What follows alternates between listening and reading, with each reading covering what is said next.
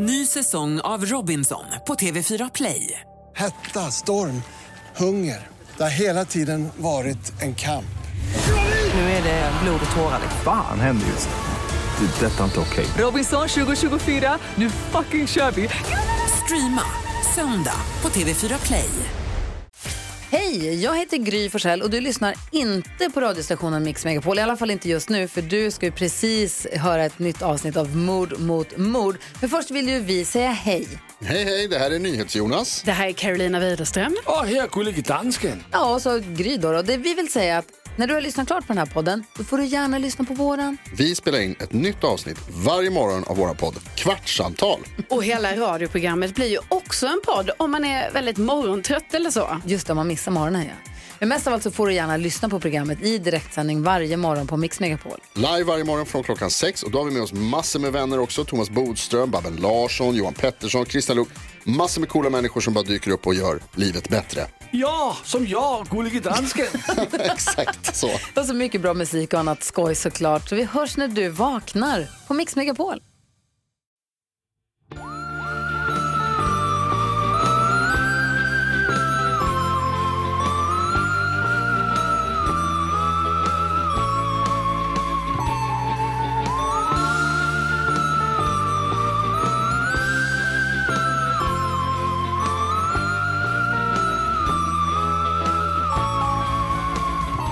Undrar vilken, vilken typ av läkare hade du varit om du var en läkare?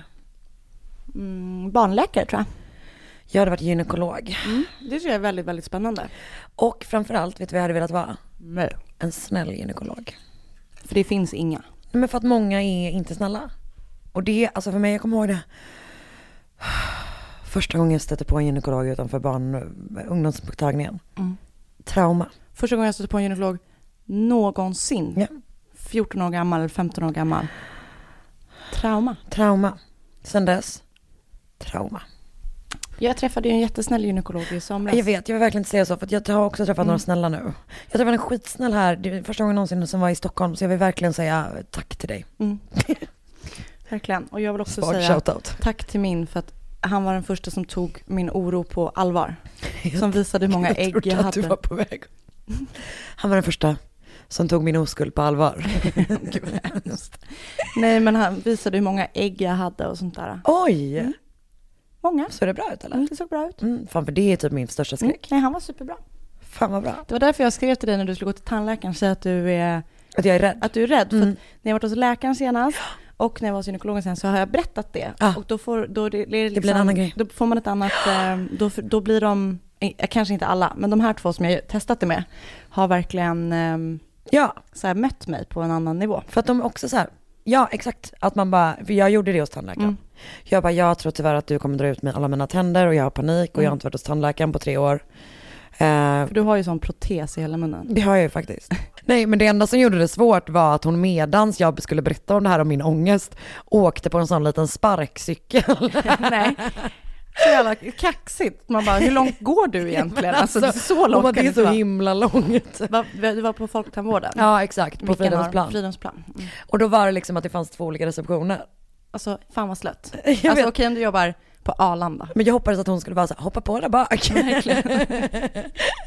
Men det gjorde hon inte. Så åkte vi när det blev poppis med um, sparkcyklar, när Ja. vi gick typ i sexan. Då åkte vi så här, tre stycken på en sparkcykel nerför gatan. Ah, så coolt. Men det är ju också typ så farligt. Ja, men det tänkte du inte på då. Eh, Camilla Tror har skjutsat mig på henne. Hon har ju en elmopp, Just elskop, el? Elspark. Ja. Ja. Eh, I mitt huvud så var det en sån, du vet en sån snöspark Just det. med motor på. Elkick. Men hon körde mig på sin sån och det kändes otroligt romantiskt. Mm. Det blir väldigt romantiskt. Det är Mm, som det att sitta bak på en pakethållare. Ja, också mysigt. Mm. Fy fan vad härligt.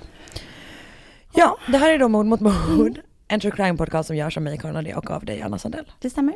Och nu är vi här igen Nu är vi här igen. och det känns mysigt. Alltså, veckorna går så fort. Jag förstår ingenting.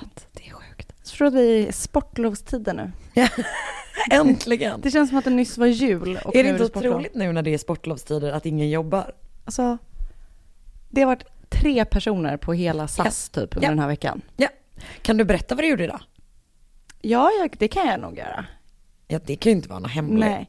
Eh, jag var uppe på vårt sånt operations control center. Och såg typ där de liksom följer alla flygplan och så. Ja, det var väldigt coolt faktiskt. fan vad fett. Mm. Men jag är ju mest intresserad av ditt bagage, bagagehanteringen. Japp, det var så jävla fett. eh, nej men det, det, jag, det jag inser är, är att det är jävligt coolt att jobba ute i driften också. Alltså så här, att det är de som får det att funka på riktigt alltså. Ja exakt för att man har ju den känslan när man, alltså nu kanske du har det mindre eftersom du ändå jobbar på typ ett företag. Men typ när man jobbar som byrå, på, på byrå som jag gör så kommer man så långt ifrån Ja. vad folk, så det är så jävla fett när man typ får så insyn i, man bara Verkligen. ah det här är typ så folk som gör saker på riktigt. Mm. Och eh, Vi har liksom lagt hela dagen på att vi har gjort ett råttgym. just det, det var väldigt kul faktiskt. Det är olika i allt jag säger. Nej men eh, precis, och jag, precis, Jä- jämfört med det jag gör på SAS så är, gör jag råttgym där. Alltså, jag är inte den som driver verksamheten framåt. Nej, nej fast Eller alla bidrar ju till det. du är ju en viktig kugge i hjulet. Men man, man precis. Vad, var det, vad var det din chef kallade dig då? Guld med glitter på. Det är det gulligaste, vad har du gjort då? Jag, hade fixat med en film som vi ska gå upp med. Men du är ju verkligen att jobba med, du är ju guld med glitter på. Tack Alltså, detsamma. även annars men liksom i, i arbetssituationen väldigt mycket. Tack, Mm. detsamma, Tack verkligen. snälla. Mm. Eh, nej men jag, har insett det att när jag träffar någon som jag gillar att jobba med, Mm. typ du, Mm. eh, typ Lottie. Ja. Det betyder otroligt mycket för mig när Ja. jag träffar likasinnade personer i eh, yrkessammanhang. Tusen procent. Sen har jag inte jobbat med några andra vänner än eh, du och Lottie, men, eh, Men jag menar du och jag blev ju vänner, genom jobbet. exakt. Mm. Och det tror Man kan träffa väg- kärleken på jobbet hörni. Ja. Och det tror jag är en bra väg att gå, för jag tror det är svårare att gå åt andra hållet. Att jobba med en kompis. Ja nej det tror jag är, nej. Typ tveksamt om du och jag skulle jobba lika bra om vi började jobba ihop igen. Men nu gör vi ju det i och för sig. Det gör vi ju. Med det här. Fast det Men inte, till- inte till vardags. Nej, du menar som när jag jobbar i bagagehanteringen Exakt. mm, och du jobbar på kommunikationsavdelningen. Då kommer vi ha sådana bråk. Jag kommer starta en strejk. Ja, du, Du bara, men Karin jag sätter inte ens era löner. Nej. Eh, det blir bra. Hur mår du annars? Bra. Jag, Eh, jag, jag hamnade i ett fnissigt mode. mm. Mm, Hur mår jag du? Jag, mår bra. jag är lite, lite, lite bakis. Mm. Men väl, verkligen så här. Och jag tycker inte att det är riktigt rättvist. Nej men så där är det alltid tycker Jag jag. hatar det. Ja. För jag var ute med, med Sanna, som också är en eh, liksom, kollega som har blivit en kompis. Mm. Och förfirade min födelsedag. Vilket Som är på söndag. Ja, exakt. Alltså i söndags när Ja, det här släpps. Eh, och det var jättemysigt. Men jag var liksom hemma, jag låg, gick och la mig klockan 11. Så att Ja, jag men- tycker det är orättvist. Det spelar ingen roll. Nej. Alltså det är ju någonting, eh, tre glas vin på en vardag. Men det är så olika tycker jag. För ganska ofta är det helt lugnt Mm. liksom. Men nu var det verkligen så jag bara "Åh." En annan grej om min födelsedag som jag måste berätta, det där lät så jävla fittigt. Eh, men som jag måste berätta för dig är att eh, jag och Marcus ska gå på kattcaféet. Aha, gud vad läskigt. Alltså jag vill ju ingenting heller, Nej, jag jag saknar ju att ha katt Mm. Dagligen. Varför Eh, skaffar inte ni bara en katt? för Marcus är allergisk. Aha, en naken katt då? Nej men det är inte det, det är huden typ. jag vet, jag vet, jag vet. Ja, det var ett skämt. Jaha. Men, eh, Folk Jag säger inte. det ofta. men det finns allergikatter. gör det? Eller som är typ ofta är bättre för allerg- För allergiker. Molly är ju en allergihund. Ja. Okej, men ni ska gå på kattcafé. ja, och grejen är att det var fullbokat. Alltså typ forever framåt. För du bokar, in, du bokar en tid liksom, de får inte ha för många inne samtidigt så här.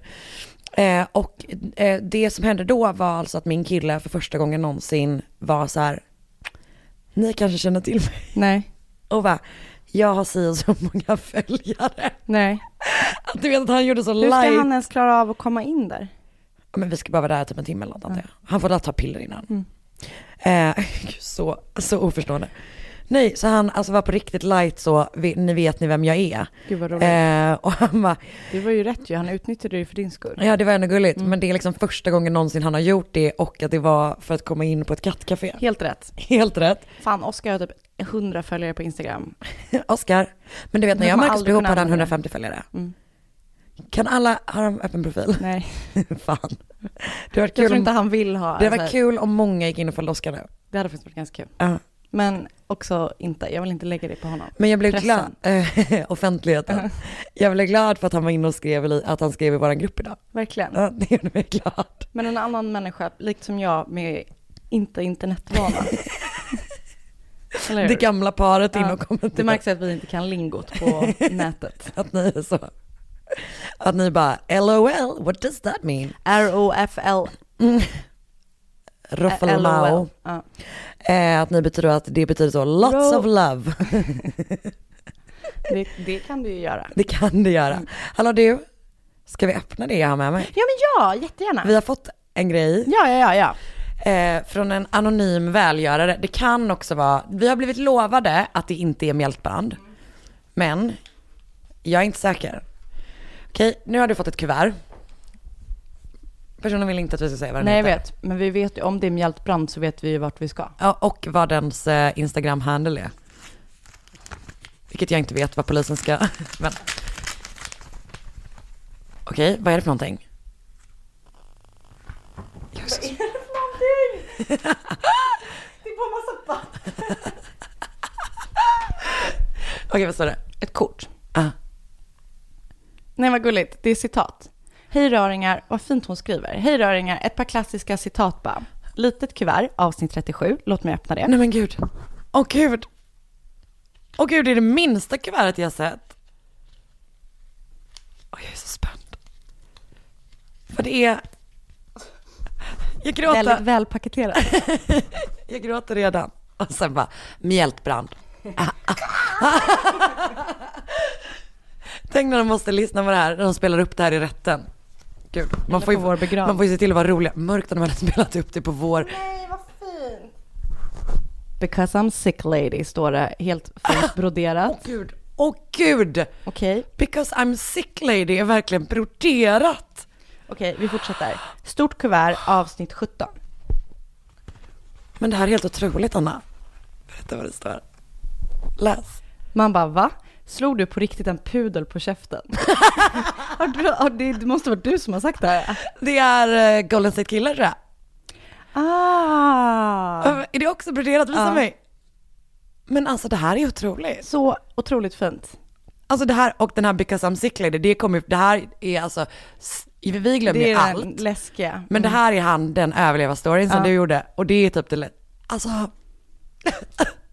Tack så hemskt mycket. Det här var helt otroligt. ja, det här var fan helt jävla otroligt. Fan, vi börjar skapa oss en liten broderisamling. Jag vet. Så inte det, jag vet hur dålig jag var på korsstygn.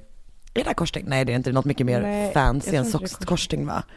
Jag, jag har gjort ett örngott där jag broderade mitt, eh, mitt namn, höll jag på att säga. Det var bara A, bokstaven A. Eh, Jag gjorde ett örngott där jag broderade brorsan som jag gav till min bror. Han bara, mm, tack snälla, jag är 15. Nej det kan han inte vara, jag kan inte ha gjort Typ det att när han jag... kan det, för jag tror man broderade typ så här sjuan eller åttan på högstadiet. Det var nog fan i Mm. högstadiet. Vet du vad, jag gav den till honom i bilen kommer jag ihåg och den lämnade sen aldrig bilen. Då vet man att man har gett någon en Verkligen. riktigt bra present. Det här var otroligt. Det här var så mycket. jävla fett. Säg till om du ångrar dig att du vill att jag har en shoutout, för då, Då blir det då blir det. mycket jävla recognition. Fan vad det känns som att det hänger ihop och kunna sy och ha en fin handstil. Alltså 100%. Kul att jag också kollade om jag hade missat någonting i Det är kuvertet. verkligen finns Det är så jävla roligt när man öppnar presenter och man känner så här, det måste ligga någonting mer här i. Nej men det var så härligt. Ah, Tack så mycket. jävlar. Ny säsong av Robinson på TV4 Play.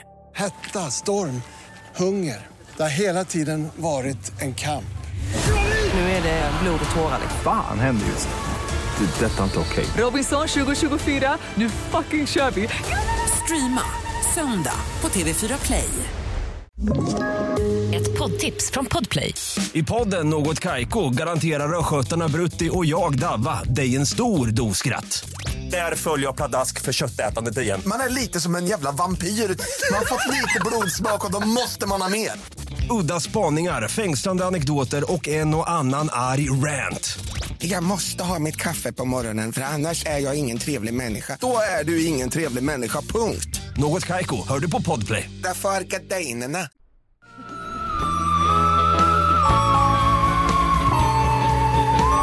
Fan, linschipsspons. Det skulle vara något. Det skulle verkligen ha något. En annan grej som skulle vara något. Friggs ri- riskakor. Men det äter ju aldrig vi. Jag äter det jättemycket. Jo men inte. Ja, inte tillsammans. Nej. Du tänker så. Okej, Det är jag, kul tror, också att all spons vi vill ha är sånt som är riktigt dålig att äta under, i en mick. jag trodde du menar saker man hade velat ha generellt. Okej. Nej. Jag missuppfattade Och då var det leken. det det bästa du kunde komma på. Jag hade gärna velat ha så, bara en mecenat som gav oss pengar. Alltså man får... Jaha, men jag och man får pratar, mat, fritt. jag pratar mat. Men då, ja, ja, det var kul. Okej, det finns andra grejer. Man kanske, typ så. Public service style. Det finns annan mat man skulle vilja ha som spons. Typ eh, fri till, åt, tillgång till eh, löjrom. Mm. Mm. Bra. Okej. Här är några som inte heller hade det. Fri tillgång till löjrom. löjrom. Det fanns få som har. Eller? Kanske någon i Ryssland typ. Där äter de rysk kaviar. Mm. Skojar. Mm. Jag börjar. Ja. Mike Williams och Denise Merrill gifte sig 1994. Mm. Paret ehm, fick en liten dotter som Mike, pappan, höll av och han var en superbra pappa. Mm. Tillsammans bodde familjen i ett stort hus i Tallahassee i Florida. Eh, Mike var en ambitiöst och hårt arbetande man eh, som arbetade med fastigheter på något vis. Mm. Eh, och han tjänade bra med pengar och eh, därför kunde då Denise vara hemma och ta hand om liksom, hemmet och eh, deras barn. Deras dotter, de hade ett barn. Och ehm, paret var liksom lyckliga ihop och de hade berättat för nära vänner och familj att de planerade för ytterligare ett barn inom snar framtid. Den 16 december 2000 firade Mike och Denise sin sjätte bröllopsdag. Paret skulle senare på kvällen fira i staden Apalachicola.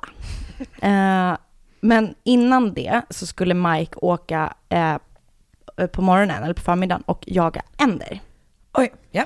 För han eh, hade jagat mycket, liksom, och hade, eller han, jagat mycket, han började jaga när han var 15 och han Ja. liksom älskade det. Så han lämnade deras hus i gryningen för att åka till Lake Seminole, som låg eh, typ 8 mil från eh, Tallahassee. Mhm. Lake Seminole eh, var en, eh, eller är typ en reservoir som har en kustlinje på 605 kilometer, vilket jag tycker typ låter ganska stort. Ja. Eh, och det hade... ehm, Svinstort eller? eller hur? Ja. Men sen så... Eller långt om man ska vara Långt, petig. ja. Mm. Mm, för jag tror typ inte att det var så... ja, Jag vet inte. Nej. Det, det, det är egentligen oväsentligt hur lång kusten hade. Mm. Men jag vill ändå skriva det. Ja, bra. Eh, sjön hade ett eh, rikt fiskliv och här levde även ormar, eller lever antar jag, ormar och alligatorer. Mm, mm. Där, det är en av anledningarna till att jag typ inte vill leva i ett för varmt klimat på grund av alla Äckliga djur. äckliga djur. Ja, ja. Nej, nej, tusen procent. Alltså, och typ det där, mm, just det där träskiga. Exakt. Vidrigt. Eh, när jag var i Australien Mm. Ja, uh. eh, så var vi ute på krokodilsafari. I en ranglig roddbåt typ. Jag har aldrig varit med om något så läskigt i hela mitt liv. Det hände ingenting. Det är väl ändå typ någon slags tips att om man ska på... Alltså det var bara backpackers. Så Ja. det, var, det var ju uppenbarligen inte farligt, men det kändes som att så här, okej här kliver vi ner 30 personer i den här båten och liksom, de var typ så här, krokodilerna är mycket snabbare än alligatorer, så de kan så förflytta sig så här och så är de framme vid båten. Och då dör man typ. Så alla fick så här, tappa absolut ingenting i vattnet. Och det är ju inte en lögn, för Steve Irwin dog ju. Men han dog av en rocka. Aha. Okej. Potato, potato. djur som djur. Okej. Ja. Men när Mike inte hade kommit hem vid lunch så började Denise undra var han hade tagit vägen. Eh, Så hon ringde till sin pappa och berättade att Mike hade stuckit hemifrån för att jaga tidigt på morgonen och att han fortfarande inte kommit hem och att hon kände sig orolig. Så pappan bara okej, jag sticker och kollar vad som har hänt. Så han sätter sig i bilen och kör eh, samma åtta mil som Mike kört tidigare på morgonen. Så kör han till den plats där han vet att Mike brukade liksom parkera bilen och sådär. Eh, och där hittar han eh, Mikes Ford Bronco. Precis i närheten av, det är inte en båtnedsättningsplats, men man, det ser ut som att någon har liksom puttat ner handen Okej, i ja. båten. Ehm, Ford, förlåt. Ford Bronco, var inte det känt O.J. för. OJ-bilen? Ja. Mm. Mm.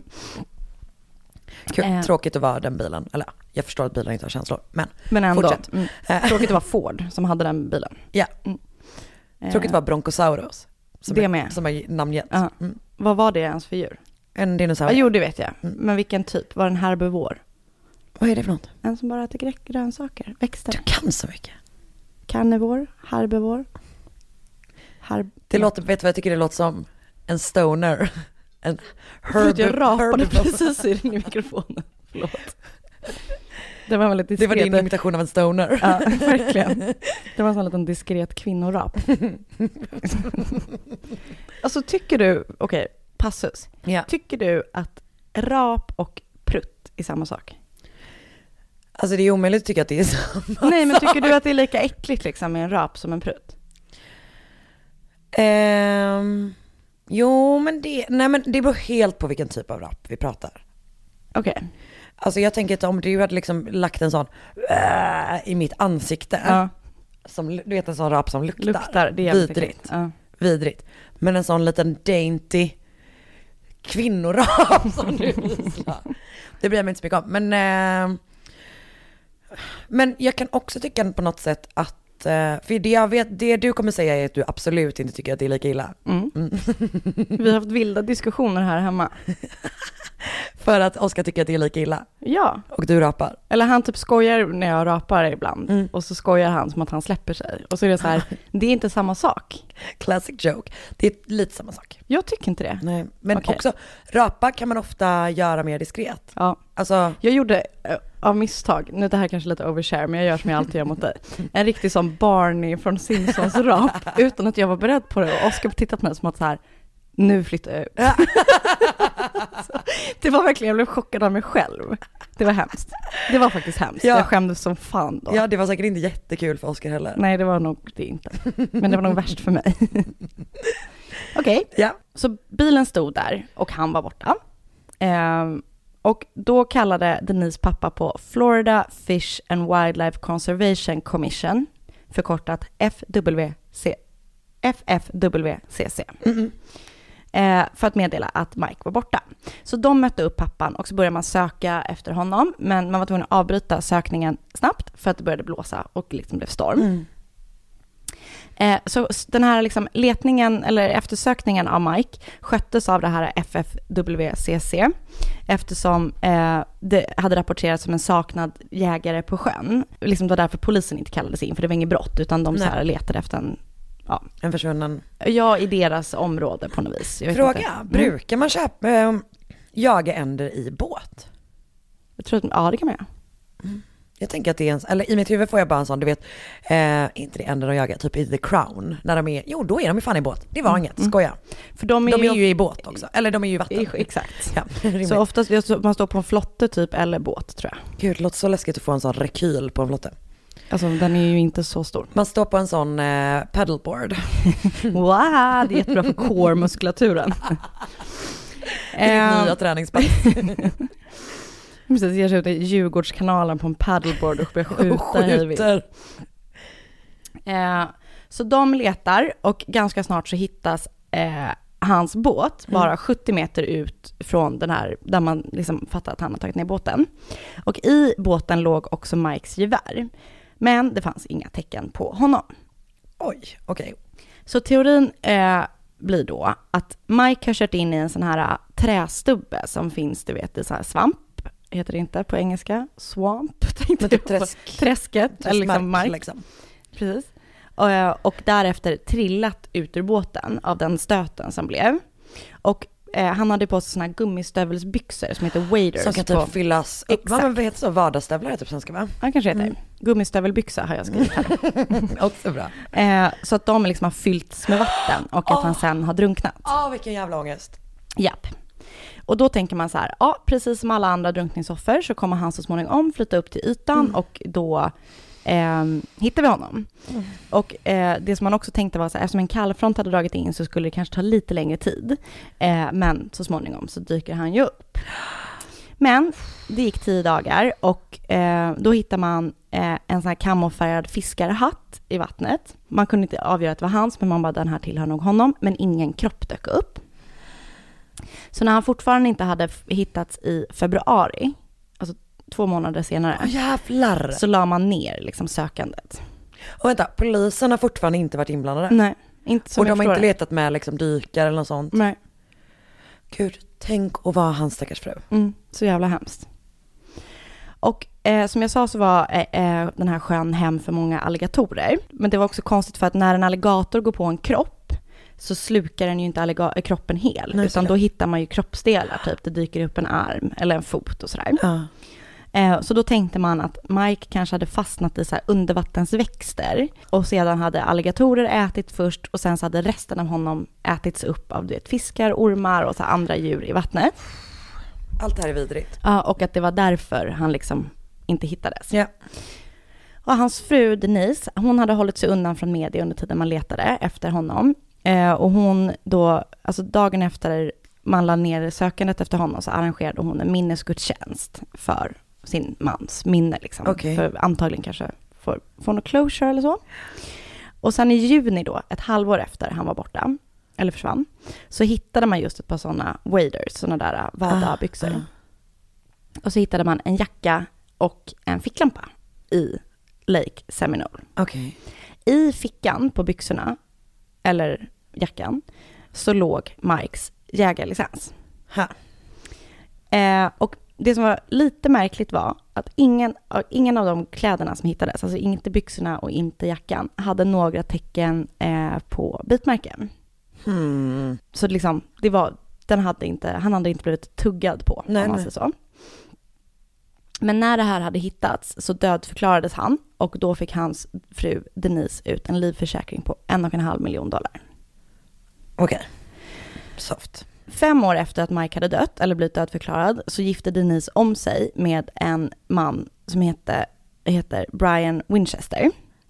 Och Brian var en gammal kompis till Denise eh, från typ high school. Och under tiden som Mike och Denise var gifta så blev han också en väldigt god vän till Mike. Mm. Brian arbetade med försäkringar. Och det var ingen mindre än han som hade sålt Mikes livförsäkring till honom. Bara några månader innan han dog. Så det här, de gifte sig och det här nygifta paret bodde då kvar i huset som Mike och Denise hade bott i innan Mike dog. Vad sa du, fem år efteråt Ja. så gifter hon sig med snubben som har sålt livförsäkringen? Ja. Ja, det, lå- det, mm, Mm, inte helt. det är inte helt Man kosher. undrar. Man undrar, det gör man verkligen. Eh, och Mikes mamma vägrade acceptera teorin om att han skulle ha drunknat i sjön. Eh, så hon försökte liksom driva på polisen att eh, fortsätta utreda hans död, Mm. men utan framgång. Så hon fortsatte liksom sin egna utredning. Och hon satte in eh, annonser i tidningen och satte upp så här billboards där hon sa jag letar efter min son. För hon trodde att han kanske inte var död eftersom liksom, de aldrig hade hittat hans kropp. Men stackars Exakt. Så jävla hemskt. Och 2004, alltså ett år innan Denise och Brian gifte sig, så eh, gick Florida Department of Law Enforcement på, med på att eh, öppna upp utredningen igen. Mm. Efter att mamman hade tjatat. Eh, och när de väl hade öppnat utredningen så kunde polisen liksom också så här, okej, det har varit lite märkliga omständigheter kring det här. Bland annat, så, eh, när de hittade hans båt så var motorn avstängd, men bensintanken var full. Vilket Okej. verkar då enligt tillverkaren och sådär ah, väldigt, eh, inte särskilt troligt eftersom, ehm, Men är det typ att den borde ha gått? Alltså om han trillade ur så, så borde borde den båten ha fortsatt gå. Ja, ja. Och då Eh. borde den ha gått med dratt mer bensin. Då borde typ tanken varit slut. Ja, alltså tills ja, den så här, mm. Ehm, Och den borde typ inte legat så nära. Den kunde Exakt. drivits också. Precis, och för det är, det är nämligen en annan grej som är konstigt. Eftersom det var storm samma kväll som han försvann, Ja. så borde båten liksom ha blåst över sjön och inte ha hittat så nära som den faktiskt gjorde. Hmm. Eh, och Mike brukade aldrig ge sig ut ensam när han jagade, utan han brukade alltid åka med en vän. Och den här, vid det här tillfället ska han då ha åkt ensam. Okej. Eh, och det skulle också visa sig när man granskar den här alligatorteorin lite närmare att det inte var särskilt troligt att han hade blivit äten av alligatorer. För alligatorer varken äter eller är aktiva överhuvudtaget i när det är så, liksom de ligger i så viloläge när det är så låga temperaturer. Som det var Men gud, det här känns ju som att man hade kunnat lista ut tidigare eller? Japp. Vad Verkligen. fan, de bara, ah, nej, de äter inte. Så jävla sjukt. Ah, gud, vad Eh, för det var mellan, jag har skrivit minus 7 och 13 grader, men det låter lite mycket. Tre, Sju 7 och och 13 13. grader i luften och ner till 8 grader i vattnet. Och det är tydligen för kallt. Ah, ah. Och det som vi sa tidigare, det faktum att de här gummistövelbyxorna var helt utan bitmärken var ju liksom inte heller. Eh, Men jag blir tokig på att det inte har varit liksom en polisutredning innan när det finns så uppenbara typ tecken på att det är foul fucking play. Verkligen. Så då man liksom förkastade alligatorteorin. Det som också var lite typiskt var att eftersom man trodde först att det var en olycka så var man också helt oförsiktig med eh, brottsplatsen. Så alla gick överallt och så här, både bilen och båten återlämnades direkt utan att eh, polisen eller någon undersökte dem. Fy fan vad störigt. Exakt. Eh, och även trots alla liksom att de har så erkänt att bara, ah, det är weird circumstances, så 2006 hamnar undersökningen i total stiltje. Och så här, utredaren ringer tillbaka till hans mamma och du vet så här. Så, är det någon jävla cover-up på gång eller vad är det som händer? Men det tar stopp. Så nu hoppar vi fram nio år Oj. till 2015. 2015 bestämmer sig Mikes änka Denise och Brian, de bestämmer sig för att skilja sig efter tio år. Mm. Eller det är snarare så att Denise begär ut skilsmässa eftersom det har visat sig att Brian var sexmissbrukare. Ah, Men det skulle också visa sig att han var en rakt av galen person. okej okej. För när hon har tagit ut skilsmässa, så en dag sitter hon i bilen och pratar i telefon. Eh, och när hon tittar i backspegeln så ser hon hur Brian klättrar fram från bakluckan. Läskigt och också ovärdigt. man är aldrig så ovärdig som man ska klättra i en bil. Alltså det, det är verkligen sant. Ehm, så han rycker sig telefonen från henne och börjar under pistolhot skrika hur hon ska köra. Så han är så här, eh, jag ska begå självmord och du kan inte skilja dig från mig, jag kan inte leva utan dig, bla bla bla bla bla. Gud Brian, Ja, släpp det.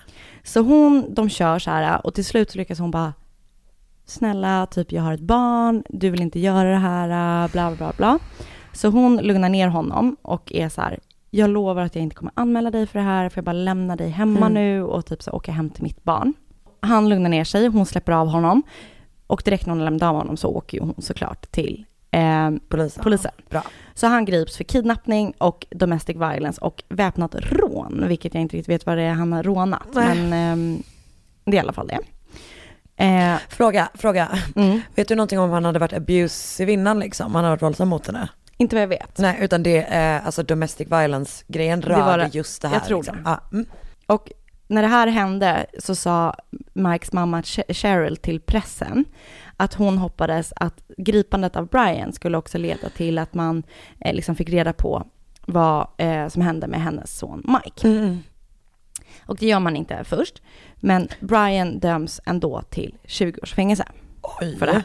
Mm. mycket ändå. Det kan ju vara att det har hänt andra grejer i deras relation som jag bara inte vet om. Ja. Men han får i alla fall 20 år.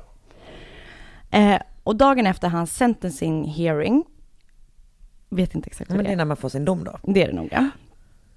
Så meddelar polisen i en presskonferens att man har hittat Mikes kropp. Eh, och det är tydligt att Mike har blivit mördad. Vänta, Eh, det har gått typ 20 år? Ja, f- 15 år. Mm. Eh, men de berättar liksom ingenting mer om omständigheterna och hur han har blivit mördad eller vem som är misstänkt och sådär. Och sen så av någon anledning så går det alltså tre år till. Men det kanske inte är exakt två, det kanske har varit ett hopp här med hans Mm. dom och sådär. Men den 8 maj 2018, Oj, det är alltså ett år, förra året. Ja, jättenyligen. Så griper man Denise Williams när hon lämnar sitt jobb på väg för att fira sin dotters 19-årsdag. Ja, mörkt. Och det som har sagts då som leder till att man griper henne är att hon och Brian, de var kära redan i high school. Och de har aldrig liksom slutat att ha en relation egentligen. Det har fortsatt löpande Ja. hela tiden. Så hon har varit gift med Mike och Brian har haft en fru. Och sen så bestämmer de nio månader innan Mike dör att de ska ta livet av Mike. Åh jävlar. Denise förnekar såklart all inblandning i mordet på hennes exman. Och ehm, hennes advokat var typ så här, eh, det är ju passande att Brian som hon har anmält precis har åkt in i fängelse och bla bla bla. bla. Mm. Och åklagarens huvudvittne mot Denise var just Brian. Och han berättade då som sagt att de hade varit high school sweethearts och bla bla. Så att de började planera Mike eftersom Denise föräldrar var eh, så religiösa. Så de skulle inte acceptera skilsmässa. Så där är också, sån jävla bullshit som typ folk säger till sig själva när de fan, man bara nej nej du vill bara ha värld, vad du tror är en enkel väg ut. Alltså 100 procent. Och man bara, hur kan att döda en människa vara den lättaste vägen ut? Exakt, det tycker jag är så intressant med folk som verkligen, som har den grejen, de bara, nej men skilsmässa är ju väldigt skamligt för mina föräldrar Men som är mord? religiösa. Mord däremot. Alltså det är så puckat. Alltså jag är ingen expert på budbo, budorden. Eh, jag tror att eh, Men det är typ- du ska inte dräpa är typ något av de första. Exakt. Mm. Bra. Eh, så vår, de, hade, vår religionsvetare. eh, de hade då planerat att iscensätta en båtolycka. Eh, så dagen då Mike dog så hade Brian tagit med honom ut på sjön och de hade båda varit iklädda sådana där gummibyxor. Och Mike har då puttat ut Brian från båten i hopp om att det här ska hända då, att de ska fyllas och sådär. Men istället så, stä- så liksom Mike får fa- fäste på en sån här trästubbe. det är verkligen, så att han är typ bara, vad fan gör du, varför puttar du mig så här? Så då tar Brian fram en pistol och skjuter Brian. När han då inser att, så här, okej, fuck, det här äh, blev ju inget bra. Nu kommer vi ju aldrig kunna säga att det här var en båtolycka. Nej. Så han tar med Mikes kropp och begraver honom precis i närheten, alltså typ i änden av ena sjön. Där han då hittas 15 år senare. Och det han hittas för att de har, han har berättat Han berättar. liksom. Ja. Så i februari i år dömdes Denise Williams till Oj! livstidsfängelse. Åh jävlar! Ja. Är För det inte mordet. något så jävla tillfredsställande när sådana personer som tror att de varit så jävla smarta, Uh -uh. uh, uh, the long arm of the law. Åh jävlar, Spännande, eller hur? så spännande. Man undrar vad fan, alltså hans exfru, hon kom ju undan Lätt. också man bara varför var ni tvungna, eller du vet att det är, ah shit alltså. Idioter. Vilka jävla idioter, Mm. men det är ju något så jävla, det här kommer ju bli en film. Ja. Det, känns, borde alltså det i sådana swamp-miljöer liksom. Ja, det är ju så jävla spännande med sådana svampmiljöer. Ja, som vi kallar det. Mm. Ja, och jävlar. Mm. Det har ju något. Det har någonting. Tack snälla. Tack själv för att du lyssnade. Refunder, eh, som är våran samarbetspartner, gör att du får pengar tillbaka när du e-handlar. Alltså riktiga pengar, det är så otroligt. Riktiga, riktiga pengar. Och de har hur många butiker slutna till sig som helst och att inte glömma, ladda, Ladda ner, ner refund-knappen. Refunder-knappen är din vän. Det är din För vän. den gör att du, när du typ googlar på en vara, att du bara så här, vad var det du sa att du skulle köpa ett gammalt beige läppstift?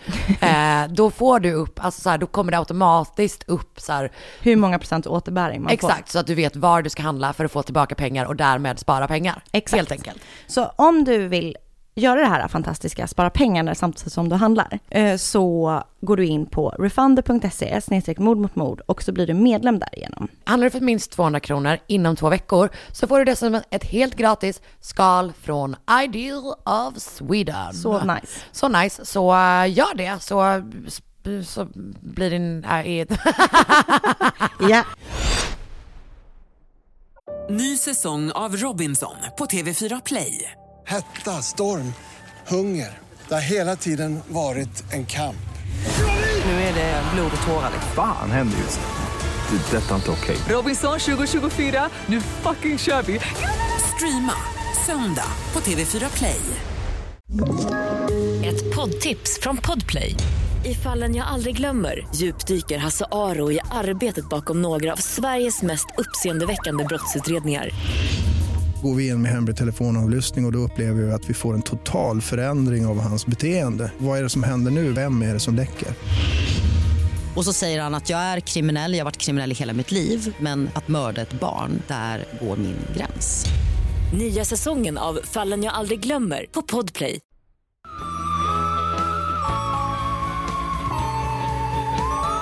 Okej, vi stannar i USA. Okej. Eh, men mycket tidigare. Mm. För den 22 augusti 1922. Tidigt. Mm. Hör då boende på North Andrews Boulevard i Silver Lake i Los Angeles.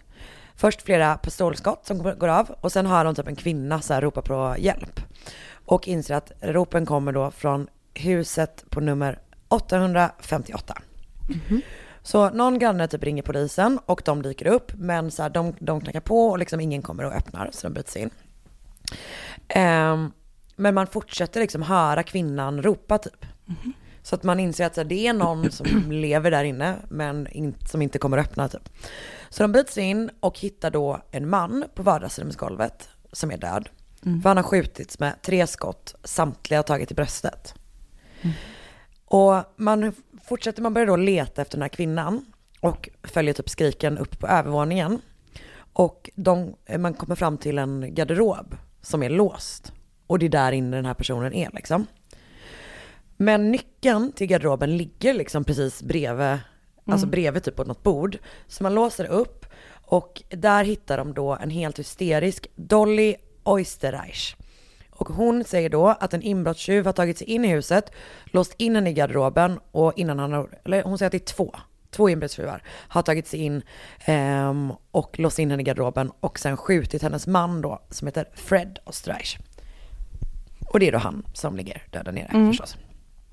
Så man börjar då utreda det här mordet och inser att eh, Freds klocka är stulen. Och det var typ en så här svindyr klocka. Mm. Det var liksom diamond and crusted. Det var inget... Var det det på Ja, det var det. Gud vad fult. Det var inget armbandsur. Det var en sån... Eh, Jaha, sån eh, vad heter det? fickur. Fick, fickur, exakt, precis. Eh, och den har liksom så här, han har fått den av Dolly present och den är liksom avryckt från sin, eh, alltså kedja typ. Mm. Eh, men det är det enda som är stulet. Då är det bättre, för jag tänkte att det var ett så här armbandsur som bara Diamonds and gold. Vet du vad det känns som? Så Det känns, riktig pimpklocka. det känns som något som Paris Hilton hade haft i Simple Life. Ja, Japp. och så vet du hur ofta jag tänker tagga dig i bilder på Paris 2000 på Alltså- Instagram. Älskar det kontot. Älskar Nicole Richie. Älskar Nicole Richie, älskar Paris Hilton, älskar hennes bok Mm. som är otrolig, som jag har lärt mig väldigt mycket av. Eh, men också att Paris Hilton är svinskärm på Twitter för att hon lägger upp memes med sig själv. Fy fan vad roligt. Ja, hon är fan Jag såg kanon. ett, förlåt nu gör jag en passus igen. Ja, ja. Jag såg ett jätteroligt klipp på Instagram när de inte har pengar, i Simple Life, när de inte har pengar på, för att betala för sin mat på McDonalds. Ja, ja. Och först Nicole Richie så här, hon bara ska springa ut ur bilen och först är Par- Paris Hilton ut och, och letar efter pengar, så kommer hon in med typ några mynt. Så Nicole Richie bara, okej jag går också ut och letar, ta med sig all mat. och sätter sig i bilen och äter. Alltså det är så roligt. Men de är fan kanon alltså. Underbara. Mm, det var en passus. Jag vet, men det var en bra passus. Okej. Och jag älskade Simple Life. Mm. Och vi måste kolla på det. Ja. Bra. Bra Eye Bleach-serie. Ja, så bra. Mm, verkligen. Okej, men den här klockan är det enda som är stulet. Och det är så här klassiskt typ att så här, hans plånbok ligger framme. Alltså det är så här, det är konstigt. Ehm, men inte nog med att Dolly är liksom helt förstörd och verkar verkligen så vara förkrossad. Utan hon var inlåst i en fucking garderob. Ja, hon kan inte ha gjort det själv. Hon liksom. kan inte ha gjort det, exakt. Eh, Så polisen började kolla på andra misstänkta. Och Fred Osterreich föddes då den 8 december 1877 i Chicago. Han gifte sig i någon gång i slutet av 1800-talet, början av 1900-talet, jag vet inte riktigt när, med Valburga. Det är så starkt namn. Min mamma känner en kvinna som heter det. Skojar Nej. du med mig? Nej. Alltså är det typ att din mamma bara, ah, men jag ska gå och ta ett glas vin med Valburga? De är, inte, de är kanske inte umgås exakt på den, men ja.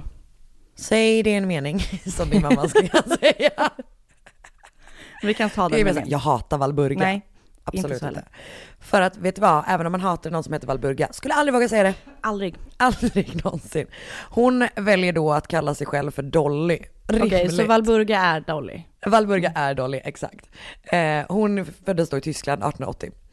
Ehm, de bodde i Milwaukee, där Fred drev en fabrik som sydde upp förkläden tror jag. Och de fick en son tillsammans, Det är så Raymond. intressant hur man kunde vara så mycket mer nischad förr i tiden på något vis. Men du, jag kommer ju från en släkt som har en hattfabrik. Fast det är, det är större. Alltså hatt för, för, Framförallt växte det. Nu är det liksom alla typer av, alltså du vet vantar, halsdukar, Okej. det är liksom hela, vi har hela spektrat. Men har ni fortfarande kvar fabriken? Eller? Ja. Ja. Men var, min mormor var ju modist och Jo, gillade hattar men mycket. det, det vet jag. Men, jag tror det, men hatt tycker jag fortfarande, det är inte lika nischat Nej, som kanske inte. förkläden. Nej.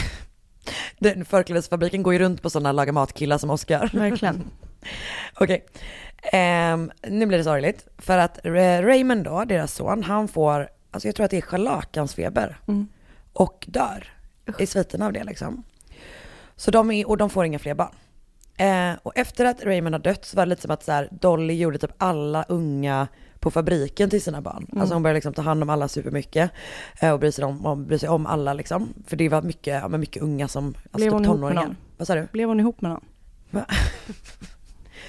Kan en kvinna, får en kvinna inte ens vara snäll mot ungdomar? Jo.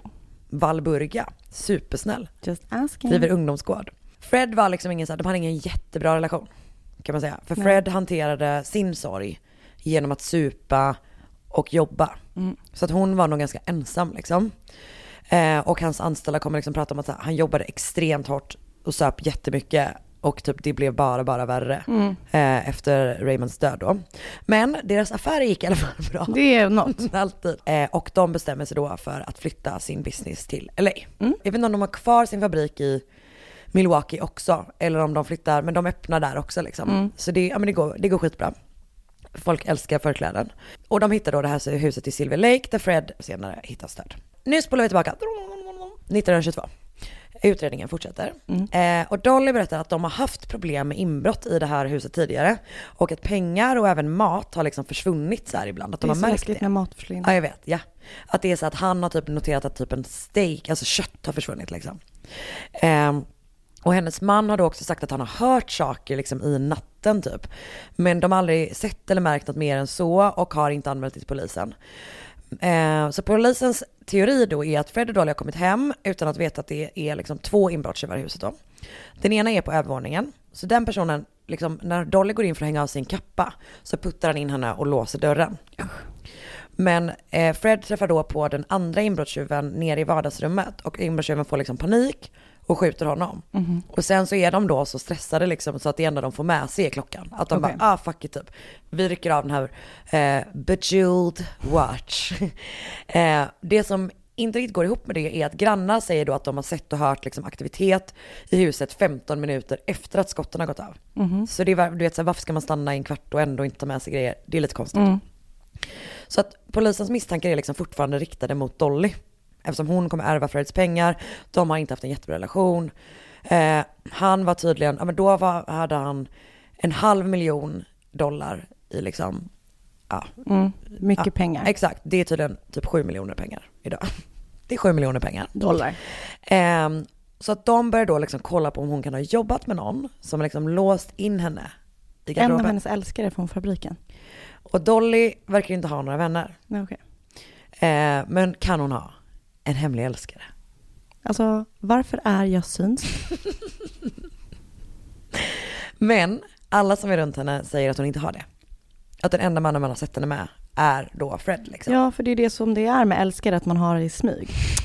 People. Gud, du verkar veta väldigt mycket om älskare.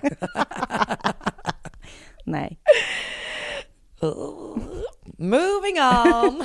abort, abort! Um, Okej, fan vad jag hade varit dålig på ha en älskare. Jag med. Mm. Hon är också så väldigt tillmötesgående. Mm. Så det talar liksom mot att hon skulle vara inbjud, eller inblandad också. Polisen får reda på att Fred har en fiende från Mhm. tidigare. Från tiden i Milwaukee. Som har också en förklädesfabrik. Det är hårt i förklädesbusinessen. Nej, för att Fred brukade typ anställa före detta fångar för att så hjälpa dem tillbaka ut på arbetsmarknaden. Wow. Fint. Ehm, och bland annat han har då gjort det med en snubbe som heter Ed Flute, ett otroligt namn. och Ed Flute, han hade till och med bott med, med det liksom paret, alltså med, han har bott hemma hos dem ett tag när han inte hade någonstans att bo och sådär. Men grejen är att han har sen blivit gripen igen, Mm. fallit tillbaka i brottets bana, blivit gripen igen och sen har han liksom på något sätt, jag vet inte hur och jag vet inte varför, men han liksom vänt sin ilska mot paret Osterreich. Mm. Ehm, och han skickar massor av brev och liksom hotar dem typ. Men så polisen vill då få tag på honom förstås. Det är bara det att han har blivit frisläppt ett par år tidigare och ingen vet vart han har tagit vägen. Läskigt. Mm, jätteobehagligt.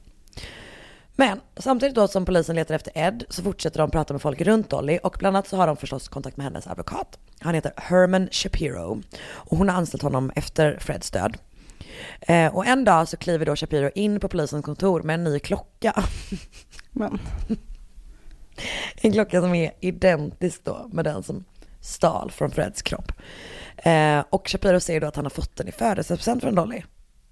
Alltså hur dumma kan man vara? Alltså, Av panik. För de har då börjat dejta. Och det här är ju då, liksom, det här har hänt efter Freds död. Okej. Och snart så erkänner då också Dolly att det faktiskt är alltså exakt samma. Det är inte det att hon har köpt en likadan till sin nya kille, utan det är exakt samma. För att hon bara trodde att den hade stulits vid mordet. Men egentligen visade det sig att, att den hade bara hamnat under några soffkuddar.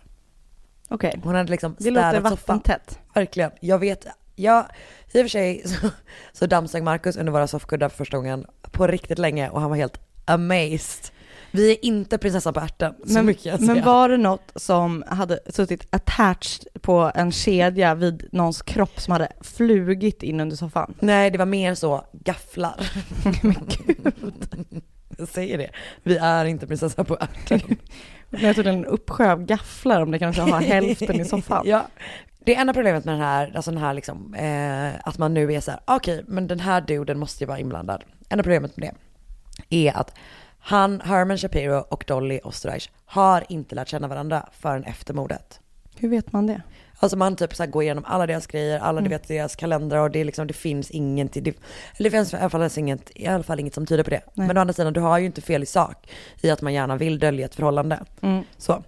Ehm, men grejen är att det finns ytterligare en person Mhm. som kan vara intressant.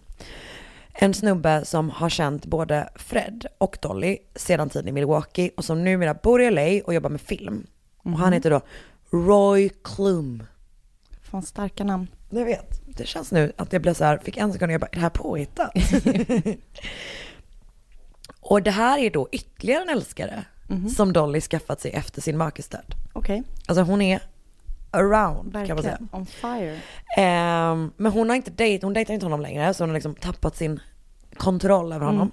Så när polisen tar in Roy på förhör så märker de liksom att han är så här orolig. Alltså han har någonting han döljer liksom. Och efter ett par timmars förhör så kommer det då fram att ett par dagar efter mordet på Fred så hade Dolly bett honom att, att göra en grej. För hon gav honom ett litet paket och sa till honom att kasta det i The La Brea Tar Pits. Alltså det är liksom gropar som sipprar ut naturlig asfalt. Är det det Sjukt. sjukaste Mm. du någonsin hört? Jo. Eh, också att det låter ganska fett och det Mm. låter- låter som att man borde så spela in 8000 metal-videos där. Mm. Eh, och det som Dolly då har bett Roy att kasta i de här eh, asfaltsgroparna, pölarna, eh, påminner liksom om en liten pistol i formen och eh, mordet har begåtts med en liten pistol. Kul att hon har packat in det som att det är så Ja, följer formen. Alltså, det är som att få en sån, att man har slagit in en cykel liksom. eh, också att det är en grej som är att de de tycker att det är konstigt med att eh, inbrottstjuvarna har använt just den här pistolen. Eftersom det är en väldigt liten pistol och de säger att det är lite av en kvinnopistol. Mm. Så att hon ber då honom att göra det här. Eh, problemet är att, att om man kastar i någonting där så är det liksom borta för alltid. Mm. Som tur är så är Roy superdålig på att kasta. Mhm. Så att han har inte nått fram till pölarna. Så polisen bara, ah, men vi går ner, vi, det kommer vara kört typ, men vi kollar. Nej nej, han har inte kastat tillräckligt långt. Gud vad roligt. Så de bara plockar upp det. Eh, och hon säger då att anledningen till att hon har bett Roy att göra det här, alltså göra sig av med pistolen, var för att hon visste att hon skulle bli misstänkt. Och hon var orolig att pistolen skulle anses, anses vara bevis för det. Vilket ju låter som episkt jävla bullshit. Mm. Eh, men grejen är att man kan liksom inte knyta den här pistolen till brottet eller Dolly. Och jag tänker, du vet, det är fan skitlänge sedan.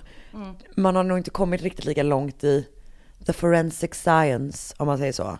Så att det är liksom, jag tänker att man kanske inte var, kunde jämföra kulor på samma sätt och liksom Nej, säkert så. inte. Ehm, och dessutom så var ju då Dolly inlåst i en garderob. Eh, vilket man fortfarande har lite svårt att hantera. Såklart. Hon grips i alla fall i samband med det här då, häktas liksom. Mm. Men i januari 25, så det är alltså tre år efteråt, så ehm, tvingas åklagaren, in, in, åklagaren inse att han inte har tillräckligt för att ta Dolly till rättegång och hon släpps. Och grejen är att jag tror att hon har suttit häktad i kanske typ ett och ett halvt, ja typ ett och ett halvt år då. tror Åh jag. jäklar. Så hon har suttit länge, eller och du vet att man har jobbat på, på rättegången liksom, men till slut bara, nej men det finns inget. Sen går det fem år. Mm. Och Dolly har det superbra liksom. Hon lever på sin döda makes pengar och eh, dejtar runt, har det härligt. Men eh, efter de här fem åren så har ett av hennes ex något att berätta.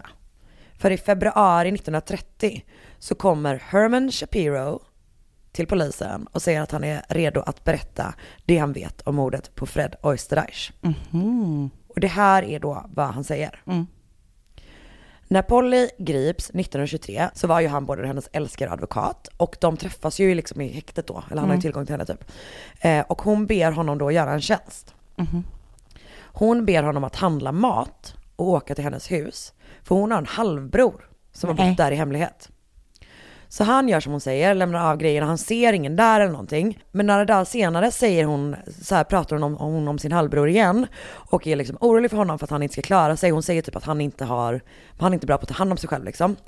Så att hon bara, du måste åka dit och kolla hur det är med honom. Mhm. Han bor på vinden. Nej. Så han gör det. det är hans, alltså han får uppgiften att åka hem till henne, gå till, alltså det är liksom en liten, som en liten dörr på Mm. övervåningen som leder upp på vinden. Där ska han skrapa tre gånger på Skämtar dörren. du? Vad läskigt. Och då ska hennes halvbror komma ner. Så han åker då till huset, sätter sig utanför den där lilla vindsdörren och skrapar tre gånger. Och efter ett litet tag så öppnar mycket riktigt en ung man dörren och presenterar sig som Ot- Otto Sandhuber. Men snart står det då klart att Otto är inte alls Dollys halvbror. Mhm. Utan han är hennes älskare. Gud. Och han har varit det i typ 15 år. Sen de träffades på fabriken. Ja. Jag visste det! Du hade det! Call me Sherlock. Alltså ja, verkligen tusen procent. Eh, Otto var då föräldralös och arbetade som tonåring i fabriken som de ägde i Milwaukee. Mm. Så innan flytten liksom. Shit vad sjukt. Och han reparerade då bland annat symaskiner. Och han och Dolly kommer varandra nära efter att hon förlorat då Raymond. Jag tror att de träffas 1911 första gången, men 1913 så förändras deras relation. För den då 17-åriga Mm. snubben, är det vidrigt, kallas då till fabriksägarnas hem för att laga eh, Dollys egen symaskin. Och när han gör det, när han kommer dit, så öppnar hon dörren iförd sidenmorgonrock och stay-ups. Men gud. Alltså det är, ett, det är verkligen som en sån jävla milf porn situation 100%. typ. Riktigt vidrigt. Alltså hon är typ 30 någonting liksom. Mm. Eh, och det blir då en början på en extremt intensiv sexuell relation. Alltså de ligger så mycket. Anna.